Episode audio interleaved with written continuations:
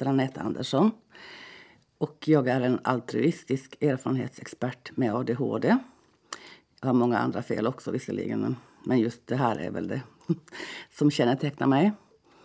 Jag är 50 år och jag är både mormor och farmor. Jag är utbildad närvårdare men jobbar som diakon i Saltviks församling.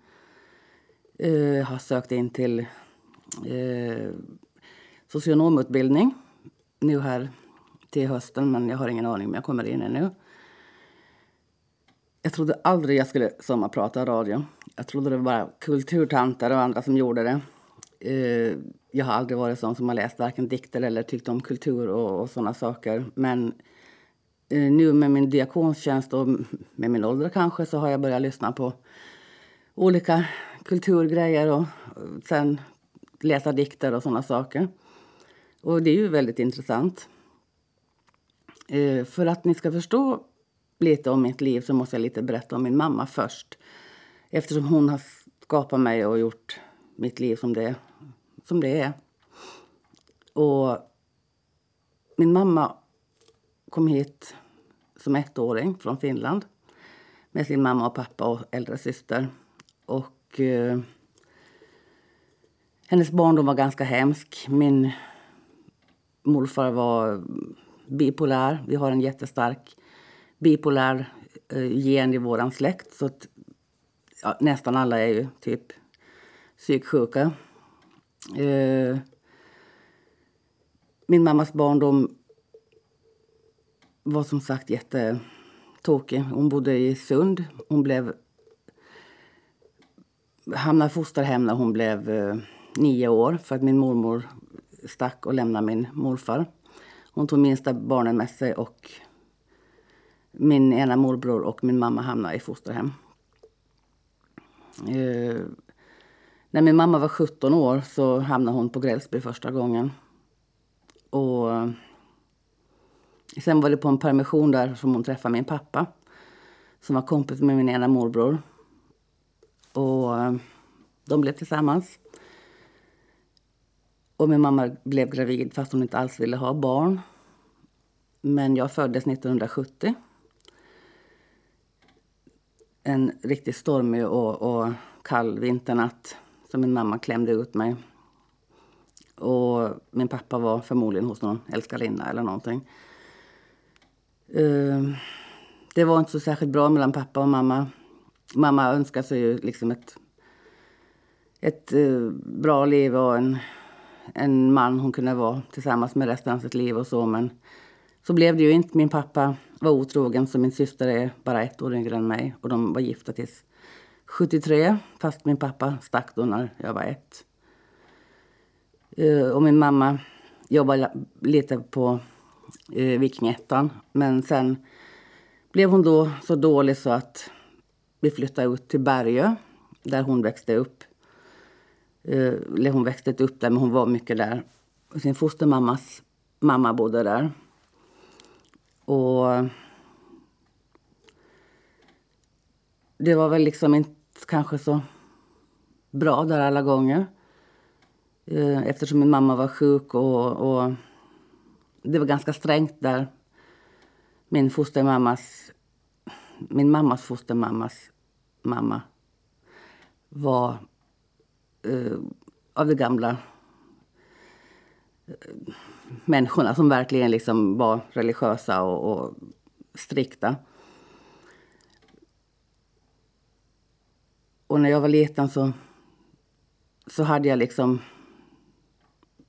mest julen och hönsen som jag lekte med där. Eh, det fanns en eh, flicka som var tre, fyra år äldre än mig men hon var ganska elak mot mig när jag var liten. Så jag föredrog att leka med hönsen. Och sen tänker jag att vi ska spela lite Sven-Ingvars. För jag kunde inte sova utan den här låten Önskebrunnen när jag var liten. Det var den jag skulle ha på LP.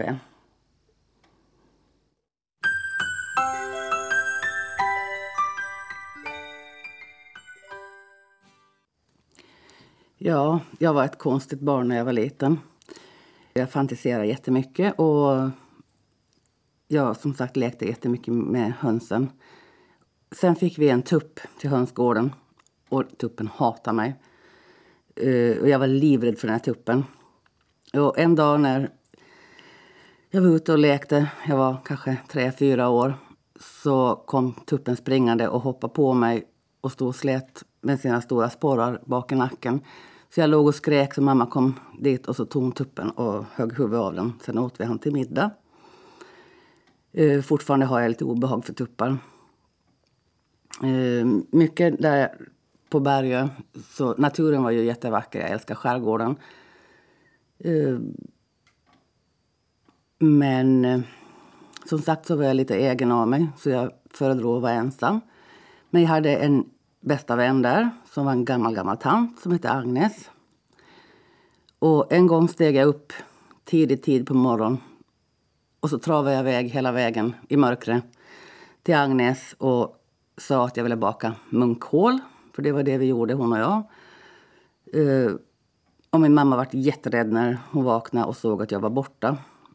Och hon letade och letade tills hon sen ringde till Agnes och så satt jag där och åt munkhål. Munkhål är de här små bollarna som blir när man har lagat hål av munkarna. Eh, uh, bergtiden var både bra och jobbig. Men eh, min mamma försvann 76 därifrån. Jag kommer så väl ihåg den dagen. Hon lovade mig att hon aldrig skulle överge mig. Och sen somnade jag i gungstolen och vaknade. Och då var hon borta. Då har hon tagit snurran och båten och åkt därifrån. Eh, sen kom hon och hämtade mig med en personal från eh, Grälsby. Och jag vågade inte säga att jag ville åka med henne. Hon frågade mig flera gånger och jag satt och funderade.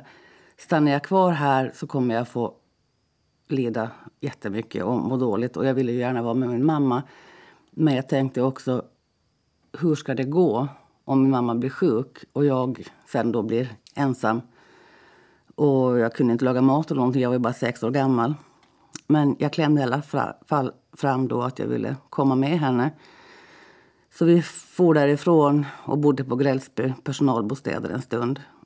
Sen fick vi lägenhet på Doppingvägen i Mariehamn. De höll just på att bygga de här höghusen där uppe då. Och jag var ju jätterädd för grävmaskiner. Jag var rädd för ja, egentligen allt större som, som gick på hjul. Och, flygplan då förstås. Uh, jag hade ju som sagt bott ute på berg och inte blivit utsatt för sådana saker. Och sen, den enda tjej då som jag hade liksom upplevt så var ju elak mot mig så jag förstod inte alls mig på tjejerna på gården. Utan jag lekte med pojkarna istället. De var mycket, mycket eh, mer busiga och hade mer liv i sig. Och, och vi hade jätteroligt tillsammans. Uh, tills jag nu fick tjejkompisar också då förstås. Första gångerna slog jag ju tjejerna men annars gick det ju. Sen gick det bra när jag började skolan och så. Uh, skolan gick bra också började skolan 77 i Ytternäs. Det gick jättebra i början. Tvåan, sen började jag slarva förstås. Eh, ganska... Ja, som jag har alltid varit, gjort allting i sista sekunden och gjorde inte alltid läxorna. Och min mamma tyckte kanske inte att skolan var det bästa som... Att man måste liksom göra läxor och göra det ena och det andra. Utan jag fick göra allting själv. Eh, min styvpappa flyttade in till oss 77. Uh, eh, någonting som jag verkligen inte tyckte var roligt. Han var ganska uh, ja, jobbig. Men, uh, men han var ju i alla fall där. Min mamma vågade inte kanske säga så mycket åt honom så, så det blev liksom problem då med att hon eh, sa ja åt honom och själv fick jag liksom inget gehör. Um, vi åkte till dagis, jag och mina små vänner. Vi var bara sex år gamla och vi fick en mark. För bussen kostade 50 penny. Så vi åkte ner från Doppingvägen ner till det här flaggskeppet. Jag vet inte vad det heter idag, men, men där mittemot uh, Unkan. Och ibland så gick vi hem därifrån Och så gick vi via Janssons lift och köpte godis för pengarna. Vi fick i alla fall någon karamell för 50 penny då. Och ibland kom eh, våra mammor. Vi hade en cykel som de delade på. Så hämtade hon, ett eller var det ena kompisens mamma som hämtade oss med alla tre. Så vi åkte alla tre på den här cykeln. Inte vet jag hur det gick, men vi var ganska små kanske. Uh, men, och jag kom ofta, ofta kommer jag ihåg när jag kom hem så spelade min mamma den här eh, George Sanfir, The Lonely Shepherd. Så den tänker jag spela för henne som minne.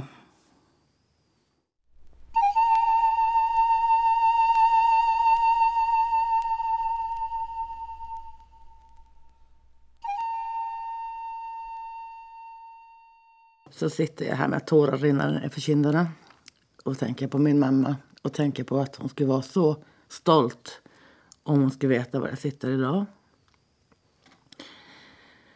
Men vi ska ju fortsätta med mitt liv här. Så när jag var sex då fick jag en hund som hette Snobben.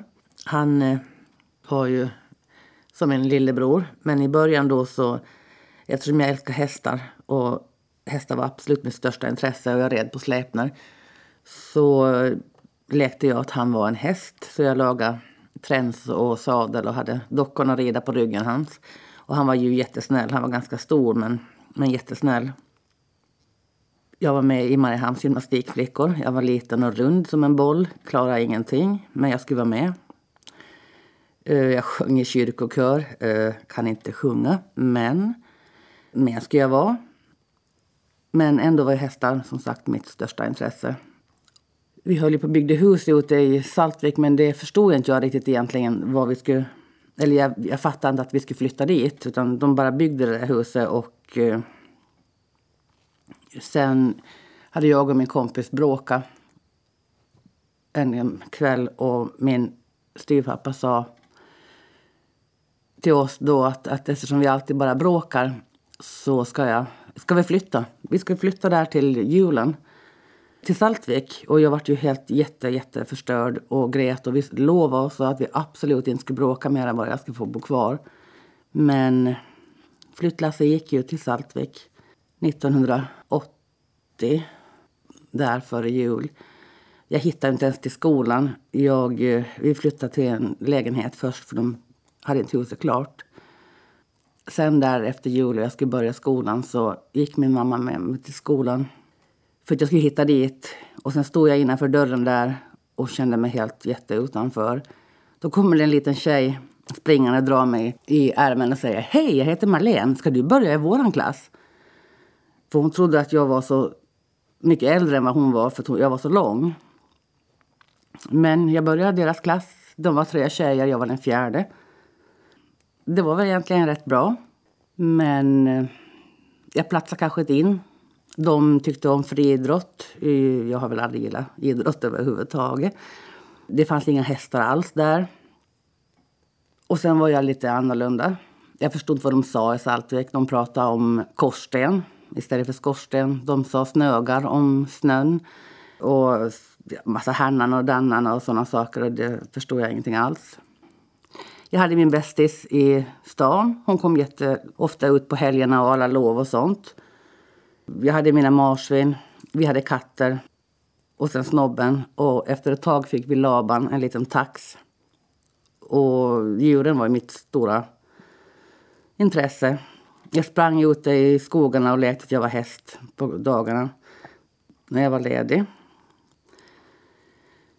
Eh, överlag så var det väl en ganska bra barndom förutom då att jag blev utsatt för övergrepp och eh, mådde rätt dåligt av det. Ingenting jag tänker gå in på så här. Jag träffade bästa kompisen i Saltvik när jag var 12. Och eh, hon var två år yngre. Så alla tyckte att jag inte skulle leka med henne. jag skulle vara med dem i min egen ålder. Men jag tyckte om henne. Och vi hade hundar och sånt. Båda två. Vi hade liksom det som sen vårt största intresse. Jag gillar ju också pojkar. Och när jag började högstadiet så blev jag tillsammans med en äldre man. Jag var 14 och han var 24. Och då lärde jag mig förstås lite det ena och det andra med hur man sniffar och sådana här saker. Och, och sen eh, lurade jag Malin att vi skulle dricka och, och börja röka och, och sniffa. Och vi stal min mammas sömnpiller och mådde riktigt dåligt ute i skogarna. Men eh, vi var liksom riktiga, jag ska säga, vi revolterade riktigt hon och jag. Och vi var absolut jättebästisar. Sen i augusti 85 träffade jag en kille på vårdkasen. Och eh, han blev en jättestor del av mitt liv. Hela nian var vi tillsammans. Och det var inte alltid bra. Han jobbade på båt. Han var två år äldre än mig. Och han var otrogen till och från och jag var jätteledsen. Och jag var jätte, jätte, jättekär i honom. När han gjorde slut sen så försökte jag faktiskt ta livet av mig. Det var första gången jag kände att jag inte ville leva längre. Eh, det var riktigt jobbigt just då. Och han har ju också satt stora spår i mitt liv. Jag var kär i han jättelänge efteråt. Men jag tänkte vi skulle höra på The Sheffer med Duran Duran. Som var en av mina favoriter när jag var liten.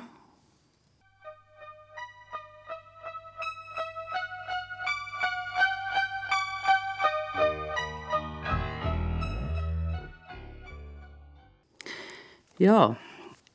Sen eh, fick jag jobb som barnflicka här på Åland. Jag avskydde barn, skulle aldrig ha barn. Men eh, det var det enda jobbet som erbjöds mig. Och det var jättemysigt. Hon var ju åtminstone lite över ett.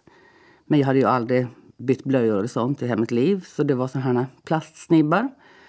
Så ettdera knöt man dem för hårt så att benen blev blåa. Eller så knöt man dem för löst så att blöjan trillade ur. Men det var helt okej. Okay.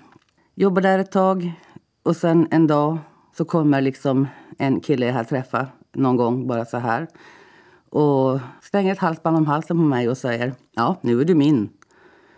Värsta grottbjörnsfasonerna, men så gjorde han. Jag visste knappast vem han var. Jag visste vad han hette, men vi var tillsammans ett litet tag innan vi flyttade till Sverige och bodde på min pappas vardagsrumsgolv ett tag. Och då fick jag också jobb som barnflicka i Stockholm. Det var en, en skådespelarfamilj som ville ha barnflicka till dottern där. Det var jättemysigt. Eh, jag trivdes jättebra. Mitt i alltihop där sen så blev jag ju gravid. Sambon då, så kanske inte riktigt förstod att han skulle bli pappa eller någonting. Han var 21 och jag var 18. Sen flyttade jag hem för att jag orkade inte liksom vara i Stockholm där och få barn och så. Så 11 januari på min födelsedag, 89, då flyttade jag hem. Och det var himla läsa ner. Det blåste, det var oväder. Bussen började brinna på vägen ner. Och vi fick byta buss halvvägs. Sen när vi kom på båten, om det var Diana tvåan kanske, och det blåste så fruktansvärt så jag trodde alltså att båten skulle gå under. Men hem kom jag och skulle bo med min mamma.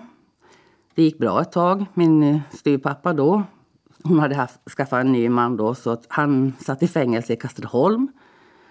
Det gick bra ett tag som sagt med mamma men sen blev hon psykotisk och det fanns ingenstans för mig att bo. Så jag skrev in mig på Tallbacken. Och där föddes också mitt första barn, min dotter. Och det var jättemysigt. Jag hade väntat en son för att hennes pappa sa att han kan inte göra döttrar. Han kunde bara göra söner. Och där stod jag med ett litet barn, en nyfödd unge. Jag har aldrig någonsin sett en nyfödd unge. Vad gör man med en sån? Jag var livrädd att ta i henne, hon var ju så liten. Men det gick ju bra det också. Det gick ett år, ett och ett halvt. Sen blev det slut mellan mig och hennes pappa. Och eh, jag gick på krogen, träffade en, en man och blev gravid. När jag var 21 så fick jag andra barn, än pojke. Då var jag ensamstående, för det fungerade inte alls mellan mig och hans pappa. Min mamma hade blivit tillsammans med en ny man och vi bodde allihop i samma radhus. Och uh, han hade en son som var 16 och jag var 21. Och vi blev tillsammans. Vi hade ju samma typ av uppväxt. Hans pappa var periodare och min mamma var ju då redan då alkoholist och eh, psykiskt sjuk. Och vi sökte tryggheten i varandra. Det var ju inte så lyckat. Och min mamma och hans pappa var inte så glada över det så jag tog körkort hastigt och lustigt. Och så flyttade vi till Godby. Och han gick i skola ett tag och jag jobbade på Strandens skola som städerska. Och sen blev jag gravid med andra sonen, med tredje barnet. Han föddes 93. Julius, han var jätteliten, rund och god. Vi hade gift oss, jag och, och min styvbror. Och han blev riktigt psykiskt knasig. Han brydde sig bara om sin egen son. Jag var elak mot mina andra barn. Började liksom bete sig illa mot mig. Och eh, så vi flyttade till stan 94. Då blev han riktigt, riktigt galen. Han misshandlade mig, han misshandlade barnen. Och eh, 94 på hösten träffade jag en kille som sålde Herbalife som jag eh, blev lite kär i. Och vi umgicks jättemycket. Han bodde i Strängnäs. Och då vågade jag säga till min man att jag ville skiljas. Vilket gjorde att han blev galen och försökte mörda mig. Och killen i Strängnäs och jag träffades nu och då. Vi hann ses i några månader. Sen dog han i hjärnblödning. Och där står jag, nyskild med tre barn, deprimerad och ledsen. Träffar en äldre man, tror att han är vettig. Fast jag får höra att han har alla möjliga problem och, och dricker mycket och så här. Men det tänkte jag inte på då. Blir tillsammans med honom och blir gravid nästan omgående. Så 1997 föds minsta pojken. 97 så var det ett tokigt år. Jag var gift igen med en yngre man.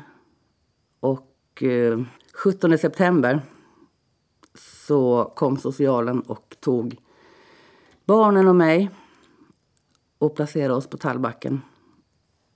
För att mitt ex sprang omkring med hagelgevär utanför. Min eh, nya man var också knasig och psykotisk till och från och försökte ta bort sig själv mitt på gårdsplan och sådana saker. Det var helt ohållbart. Och barnen får ju verkligen illa av alltihop. Men eftersom jag inte haft en vettig människa att prata med under hela mitt liv som var vuxen och ordentlig så var det jätteskönt för mig att komma till Tallbacken. Där fanns det människor som jag faktiskt kunde liksom prata med och få hjälp av. Och vi bodde där i dryga nio månader. Och jag ordnade lägenhet nedanför Tallbacken, en trea. Och mellanbarnen blev placerade i fosterhem. Det var fruktansvärt, bland det värsta jag varit med om. Ena socialtanten satt med sina fingrar, det var bara hon och jag i rummet, och hon sa Du har fyra barn.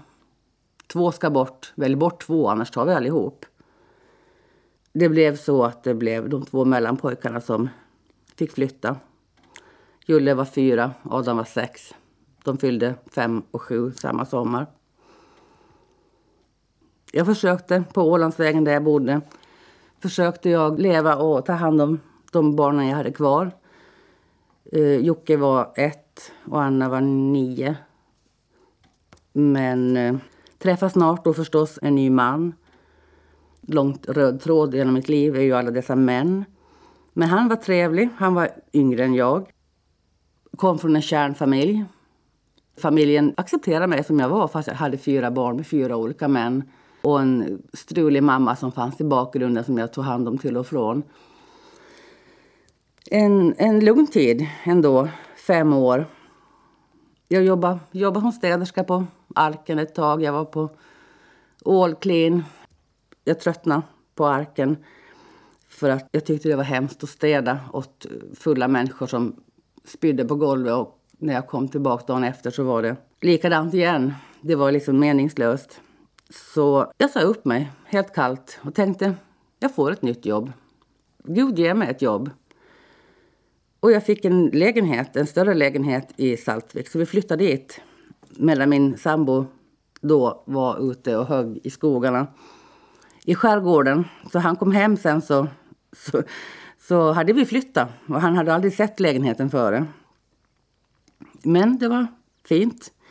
Barnen började skolan där i Saltvik, min dotter och minstingen. Det var helt okej okay med allt. Tills eh, efter fem år och jag fick veta att jag kunde få hem mina pojkar. Och då flyttade de hem. Och det blev jättetungt. För minstingen hade ju inte egentligen bott med dem på fem år. Eller han kom inte ens ihåg att han hade bott med dem. Och de var ju struliga. Julle hade ADHD och Adam Aspergers. Vilket gjorde att det blev problem. Min dotter hade ganska aggressivt humör. Och eh, det blev mycket bråk mellan mig och min sambo för att han fick gå hemma. Jag hade bytt jobb. Jag var, jobbade som närvårdare på Odalgården. Och han eh, var tvungen att laga mat mycket och ta hand om barnen hemma när jag jobbade skift. Och sen blev jag utbränd. Och så sökte jag nytt jobb. Fick jobb på städsystem. Ser min ena chefs vackra ögon och förstår att det här kommer aldrig att fungera mellan mig och min sambo. Därför att hela min relation var död. Jag var mera som en mamma. Och jag ville ju han väl och jag ville att han skulle få barn och så. För jag hade steriliserat mig 98. För jag ville inte ha mera barn. Där var jag, nytt jobb, ensamstående, fyra barn, kär i chefen, vilket var helt omöjligt. Jag köper hus i stan 2004. 2005 flyttade vi in i Mariehamn, jag och mina barn. Chefen hade liksom lova att hjälpa mig att renovera och greja och ingenting blev ju som det skulle vara. Jag fick ju faktiskt göra allting själv. Jag jobbar jättemycket. Ibland jobbar jag på två jobb. Ibland på tre jobb. Det blev problem då förstås. Vi hade, jag hade två chefer, men den chefen som eh, jag då var kär i, så han eh, blev utköpt. Och, och, och jag slapp honom då. Alltså, det blev problem med allt. Men jag trivdes jättebra på mitt jobb. Jag älskar att jobba och städa och så. Sen var jag förstås inne på internet på massa olika sidor. Hittade en kille på en internetsida som var lite speciell. Han lät rolig och, och trevlig och så här. Men han var så krånglig. Han ville inte ses. Han var... Ja, det var massa bekymmer hela tiden. Jag hade en annan kille som jag också pratade med så jag stack iväg till Stockholm till honom med ungarna när min dotter skulle fara till Japan på semester. Nu tycker jag det är tid för att ta en låt. Jag tror vi tar och tillägnar den här låten med Accept, London Leatherboys, till min bästa kompis jag hade när jag var liten. Tjejen som lekte med hundar och mig.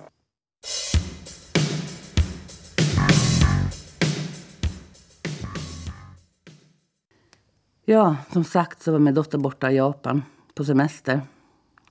Och när hon kom hem tre veckor senare så var jag förlovad med mannen. Och hon fattade ingenting. Jag fattade ingenting jag heller. Vi var tillsammans juli, augusti, september. 19 oktober gjorde jag slut. Då får jag upp och lämna ringen till Stockholm. Och eh, blev tillsammans med min nuvarande sambo.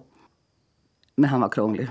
Oj, vad han var krånglig då. Och det fungerade inte egentligen. Han ville ta paus och jag mådde dåligt och jag älskar honom och det var himla eh, strul. Han kände nog inte riktigt likadant för mig då. Han behövde säkert mycket mer tid på sig. Eh, jag blev jättesjuk i mitt öra. De trodde det var cancer. Jag låg inne på sjukhuset här i morfindropp. Och planerade bortadoption av minstingen. Jag tänkte herregud, vad ska jag göra om jag dör? Jag sitter här med hans pappa då hade ju dött. För han var äldre än mig. Och eh, sen visade det sig att det var en, en, någon bakterie som hade börjat äta på mitt käkben. Och jag fick till, åka till Åbo och operera bort den där bakterien och då var det ju bra. Så den sommaren så var jag mycket med mina barn och tog vara på livet och kände att det här måste jag ta vara på. Och eh, i augusti sa jag till min... Vi bodde särbos då. Och jag sa till honom att han tog alldeles för mycket energi av mig. Så jag lämnade honom. Och eh, var ensam ett tag. Och det var alldeles okej. Okay. Tills jag hittade en flyers på olika sådana politiker som skulle vara med i valet. Läste och tänkte herregud vad det var synd om den här människan. Oj, han måste jag ringa till. Jag letar upp telefonnumret, ringer honom. Han kom på besök och så blev vi tillsammans förstås. Vi var egentligen tillsammans så att jag får hem till honom, höll honom i handen och eh, drack kaffe en gång om dagen. Jag hade hans son jättemycket hos mig. Jag tyckte jättemycket om hans son. Och, och det var väl det som var, var bra. Mannen i sig själv var jätteintressant. Och, och hade massa projekt och det var det jag tyckte var roligt. Jag, jag som har ADHD och det var jättemycket med honom. Han hade miljoner med projekt och, och, och så här men, men allting blev ju inte fullföljt. Han hade psykiska problem. Han skrev in sig på Grälsby och jag tänkte jag vägrar åka dit och hälsa på för min mamma var också inskriven just då. Sen kom han cyklande till mig när jag var på jobb en kväll och eh, lämnade ett papper åt mig och sa att det var slut. Och sen läser jag på hans blogg kvällen efter att han var tillsammans med psykläkaren. Och, och det tyckte jag var lite eh, knasigt. Man kan inte bli tillsammans med läkaren. Men det var han. Och eh, det var väl kanske bäst så. Jag fick noga män, ett tag i alla fall. Var ensam en stund och jobbade på och hade liksom mina djur och mina barn och vi hade ganska trevligt överhuvudtaget. Tills min syster ringer och berättar om en man som satt på pubettan som hon kände. Och han var så trevlig så. Och jag bara, jag vill inte ha någon människa. Absolut inte en man som sitter på pubettan. Det var absolut det värsta. Och sen började han ringa. Hon hade gett mitt nummer till honom. Han ringde och han nojsade och han nojsade. Han skulle säga så. han ville träffas. Och jag sa aldrig i världen, jag umgås inte med sådana som dig. Och sen gick min dotters bil sönder. Och så sa jag, nej men vad fan. Vi ringer honom då, ska han komma och laga bilen i alla fall. Och så var jag jätteotrevlig tyckte min dotter när han var hemma hos mig och hade lagat hennes bil. Så hon sa, snälla mamma bjud han på middag i alla fall. så bjöd jag han på middag. Nej men vad händer? Det var så synd om honom. Så bodde han hos oss. Mitt i alltihop så, så bodde han där. Januari, februari, mars. I början av april åkte han ut med buller och bång. Jag hade hittat barnporr på sonens dator. Inte bara en gång, utan två gånger. Och Han försökte förklara och sa att han hade fått det på mejlen men det visade sig att han hade sökt efter det. Och eh, Det är bland det värsta jag vet. Pedofiler klarar jag inte av. Så han fick flytta ut. Och då var jag absolut utan man ett helt, ett, ett helt år. Rekord för mig. Jag tittade inte ens på någon man. Jag ville inte ha någon överhuvudtaget. Vi hade stuga ute i Enbolsta som vi hyrde. Och eh, jag bjöd dit ett ex som jag hade då när jag var 14 och han var 24. Bjöd dit honom på första majmiddag eller vad heter det, valborgsmässoafton. Och mitt i alltihop så bor jag hos honom. Det är nog blackout, jag har ingen aning hur jag hamnade där. Men jag bodde där i alla fall. Jag och mina tre söner flyttade in dit och min dotter flyttar till Kvarnbobutiken i huset där. Och eh, jag hyrde ut mitt hus i stan. Det var 2010. Han hade inga barn. Hans föräldrar var döda. Han ville jättegärna ha barn och jag som då är född altruist tänkte, nej men vad fasen, vill han ha barn så måste jag väl ställa upp. Så vi gjorde IVF. Jag blev gravid förstås, men fick missfall i tionde veckan. Före det så dog ju min mamma förstås. Det var 2011. Det var fruktansvärt. Det är också bland det värsta som har hänt mig. Jag saknar henne väldigt mycket, även fast hon var jättedålig. Jättepsykiskt sjuk och jag var närstående vårdare åt henne. Och hon hade KOL och andades jättesvårt. Men det är någonting som, som jag fortfarande mår jättedåligt av, hennes död. Och jag önskar verkligen att hon skulle ha fått leva ett tag till. Samtidigt som jag inte skulle vilja att hon skulle ha fått uppleva det som jag har fått uppleva efteråt.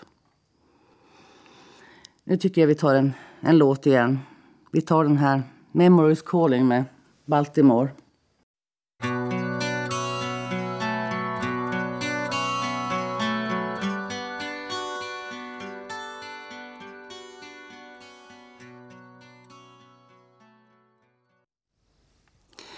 Ja, Björn Lodin, ja. Det var också en av mina förälskelser för länge sedan.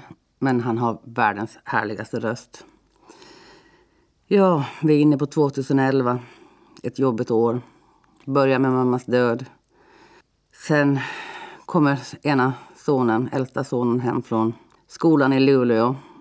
Och eh, jag hittar honom på balkongen där på höstkanten med snarare runt halsen på väg att hoppa. Det visar sig att han lider av alkoholproblem. Bara chocken av att se honom stå där och slita över honom över räcke och, och få han räddad var nog av att jag skulle kämpa för att han skulle sluta dricka. Eh, han gick till AA, vart nykter.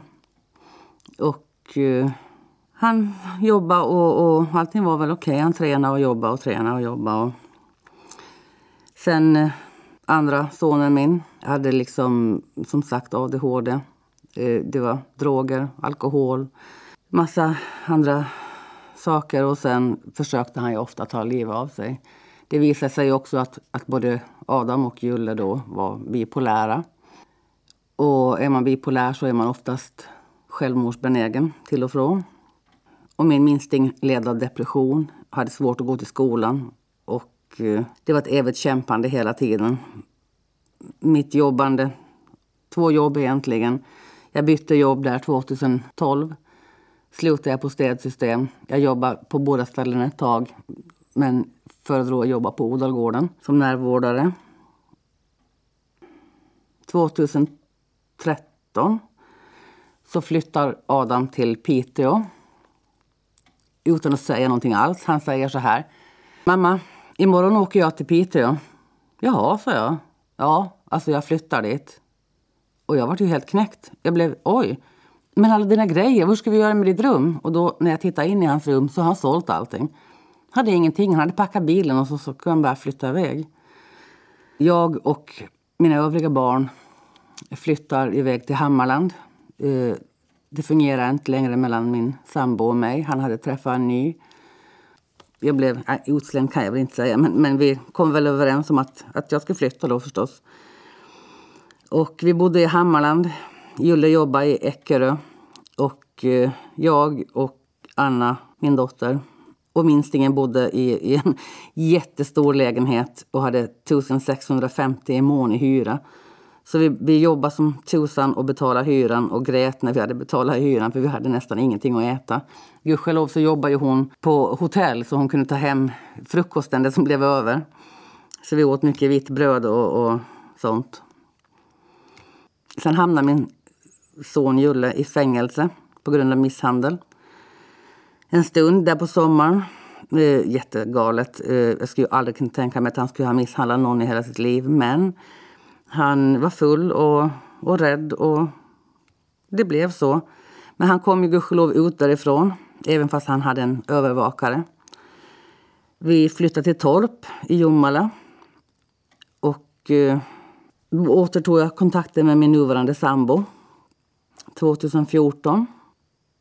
Eh, Julle flyttade till egen lägenhet och jag tog med mig minstingen och flyttade till min nuvarande sambo i Lämland. Och dottern, dottern och jag hade liksom delat rum. Hon eh, har alltid haft mig som bästa vän. Hon eh, hade inga män eller någonting. Men eh, jag sa, nu måste jag skaffa dig ett liv. Nu flyttar jag och du får faktiskt göra någonting åt det här. Vi, vi sov alltså bredvid varandra med ett litet nattduksbord emellan. Som två gamla tanter. Och jag hade knappt hunnit flytta in hos min sambo förrän hon hade skaffat sig en pojkvän. Och eh, blev gravid mitt i allt, bara sådär. Mycket som hände med, under de här åren, men jag blev mormor 2015, sista juli. Jätteunderbart. Jag var med och förlöste henne. Det var helt otroligt och få se sitt barnbarn skrika första gången. 2015 var ett bra år. Sen kommer 2016. Julle bor uppe i Finland, går i skola. Ringer mig i början av maj eller början, slutet av april och säger att han kommer ner i början av maj för att jobba på Sparhallen. Och eh, han kommer ner, hinner jobba en liten stund. Åker ut på fest en kväll. Och jag, sista jag säger åt honom, kör inte hem full. För han hade gjort det en gång förut. Och han lovar mig att han ska stanna i stan. På morgonen åker jag på jobb. Jag märker ingenting alls att det ska ha hänt någonting på vägen där vid Lemström. Inte en glasskärva, ingenting. Jag kommer på jobb och de ringer mig från polisen klockan åtta på morgonen precis just innan jag ska gå in till min första klient och, och berättar att han ligger på sjukhuset och att det var allvarligt. Och jag kastar på mig mina egna kläder och åker dit. Min dotter kommer dit med sin sambo och dotter. Och de tar honom till Finland med helikopter. Jag åker till polisstation för att höra vad som har hänt. De säger att han har kört rattfull och kört av vägen i hård fart. Vi åker till Åbo och sitter med honom ett par dagar. Vi är alla där, hans flickvän, eh, min minsting och eh, min dotter och, och dotterdotter. Min pappa och hans sambo kommer och hälsar på. Hans, eh, Julles pappa kommer ner med sin fru. Och sen verkar allting gå ganska bra ändå. Även fast han aldrig skulle liksom bli sig själv, säger läkarna, för att hans hjärna blivit så omskakad. Men han andades själv och så här. Så vi far hem därifrån och tänker att vi ska hälsa på honom igen. Sen tar det två veckor och han går bort. 2 juni, sent på kvällen, slutar han andas. Och, och det är fortfarande helt oförklarligt för mig. Jag förstår inte att han är borta. Det är tungt. Hans bästa vän, Kim Dahlblom, har gjort en cd-skiva med hans texter. Som han skriver visserligen under sina dåliga perioder men det är ändå texter som hon har gjort till en jättefin cd. Och jag tycker vi kan höra på en låt som heter Chaos and Anarchy.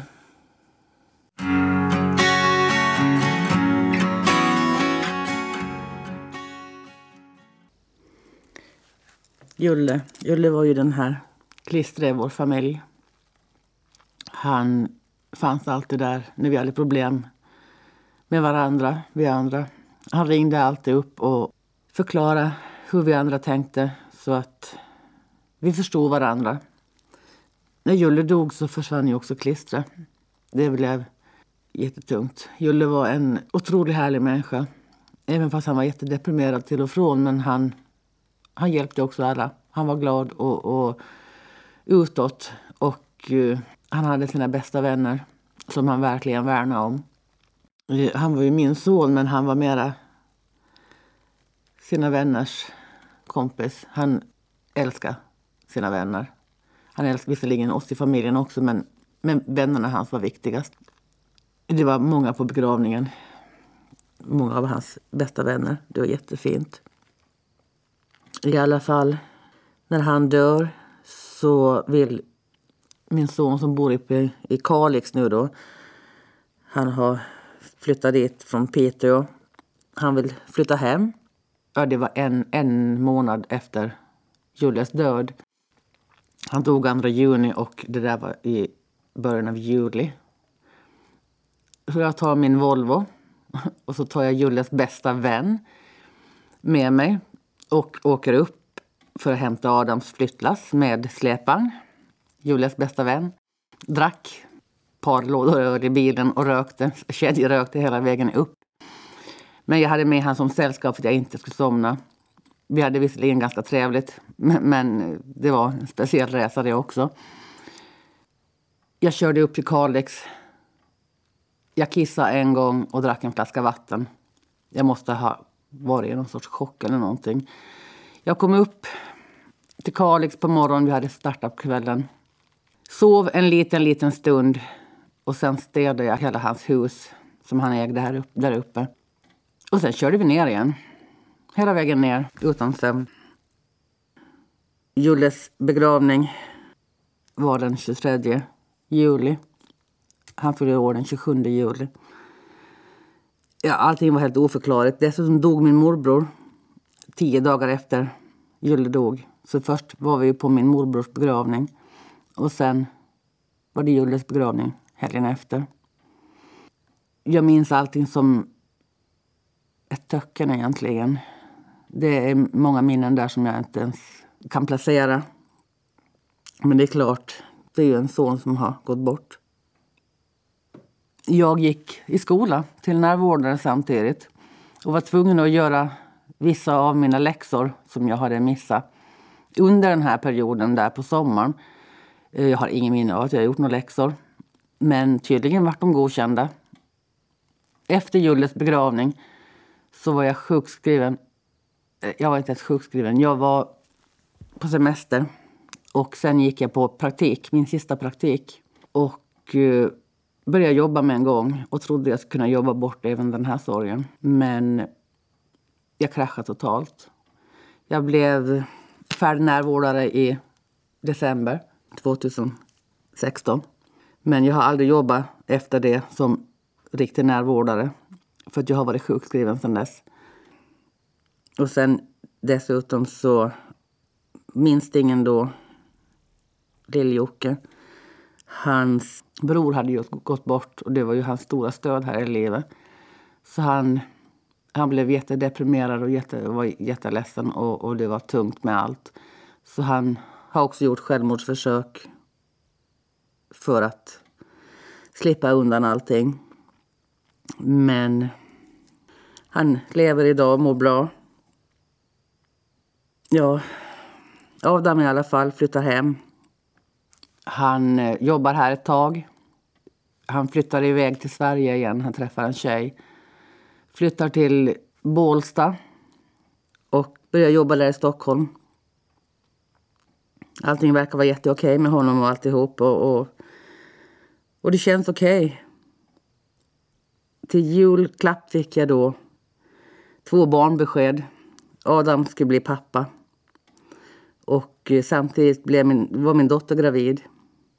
Så jag väntade två barnbarn nästan samtidigt.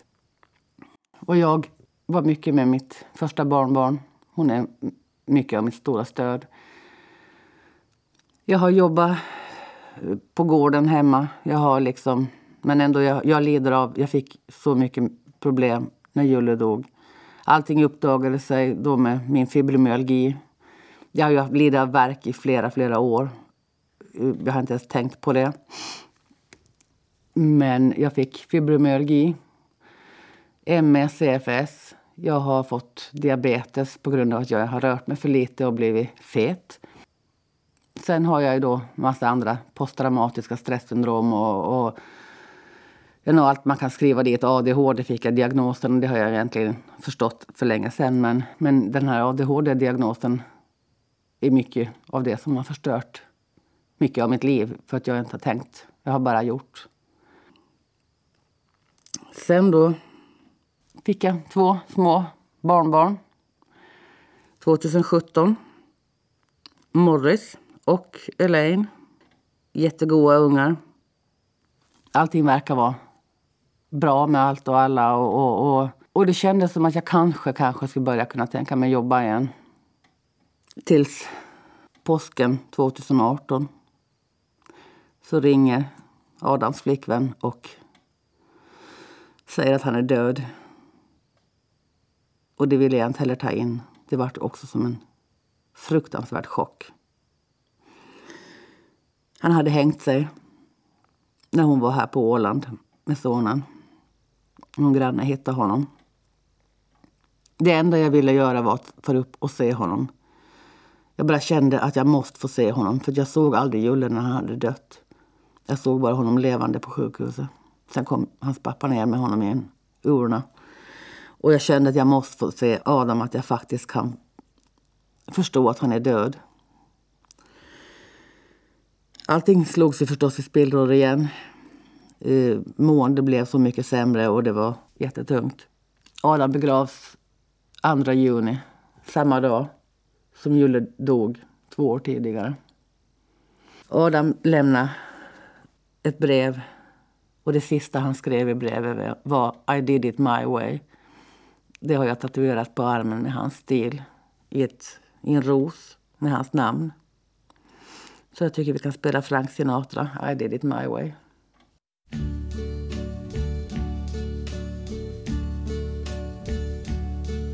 And now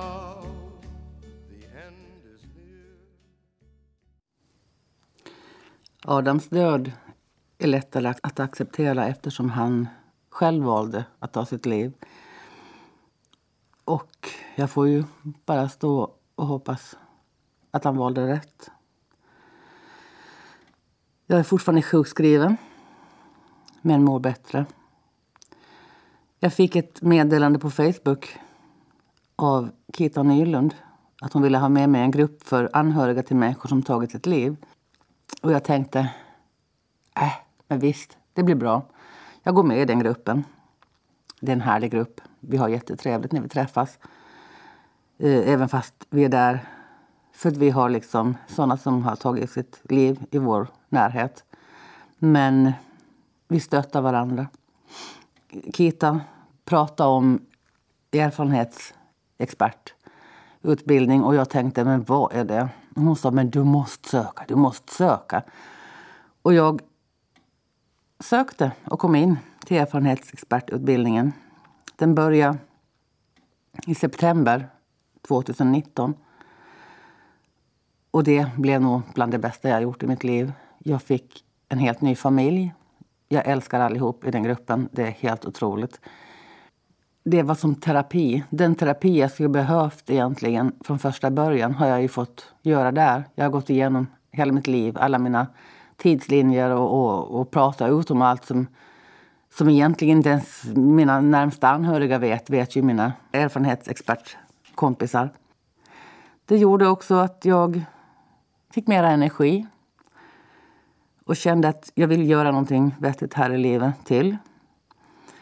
Så jag skrev till prästen i Saltvik att jag ville testa på att vara diakon eftersom det inte fanns någon diakon i Saltvik. Och jag var dit på arbetsintervju och så fick jag jobbet. Jag började jobba 7 januari nu i år. 13 timmar i veckan. Det har varit en utmaning det också. Det är otroligt härligt att jobba i kyrkan. Eh, jag har egentligen varit troende hela mitt liv. Eh, kanske inte alltid låtsas om det. Ingen kanske har vetat om det. Men jag är troende. Jag tycker om att gå i kyrkan. Jag tycker om att jobba i kyrkan. Jag har sökt nu då till distansutbildning till socionom. Har ingen aning om om jag kommer in. Jag väntar på intagningsbeskedet. Eh, hoppas på det, så att jag kan bli diakon på riktigt. Mina läkare vill inte att jag ska gå i skola. De skulle helst se att jag blev sjukpensionär på grund av alla mina brister och fel. Som jag tror att jag inte har, men tydligen har. Jag väntar på att operera axlarna. Jag står i operationskö. För att jag har ständigt ont överallt, men axlarna just nu är värst. Eh, min sambo är närstående vårdare för mig. Så att jag får hjälp där hemma. Han jobbar ju visserligen, men han hjälper mig mycket där hemma annars. Allting nu, efter jag fyllde 50 år, så har blivit så mycket bättre. 50 år, halva livet. Nu äntligen kan jag känna att jag gör det jag är skapad att göra. Jag tycker att det är helt underbart att bli så pass gammal och klok. Men så klok som man kan bli om man heter Anette. Men det känns bra. Och när det här programmet sänds så kommer min dotter förmodligen ligga på BB. För hennes beräknade tid till tredje barnet är 57. Så då ska jag vara med och förlösa mitt fjärde barnbarn. Jag skulle vilja spela en låt med Elvis för min sambo. Och är det någon gång som vi faktiskt skulle tänka oss att gifta oss då lovar jag att jag ska sjunga den här låten i kyrkan även fast jag inte ens har en sångröst. Så nu spelar vi Elvis.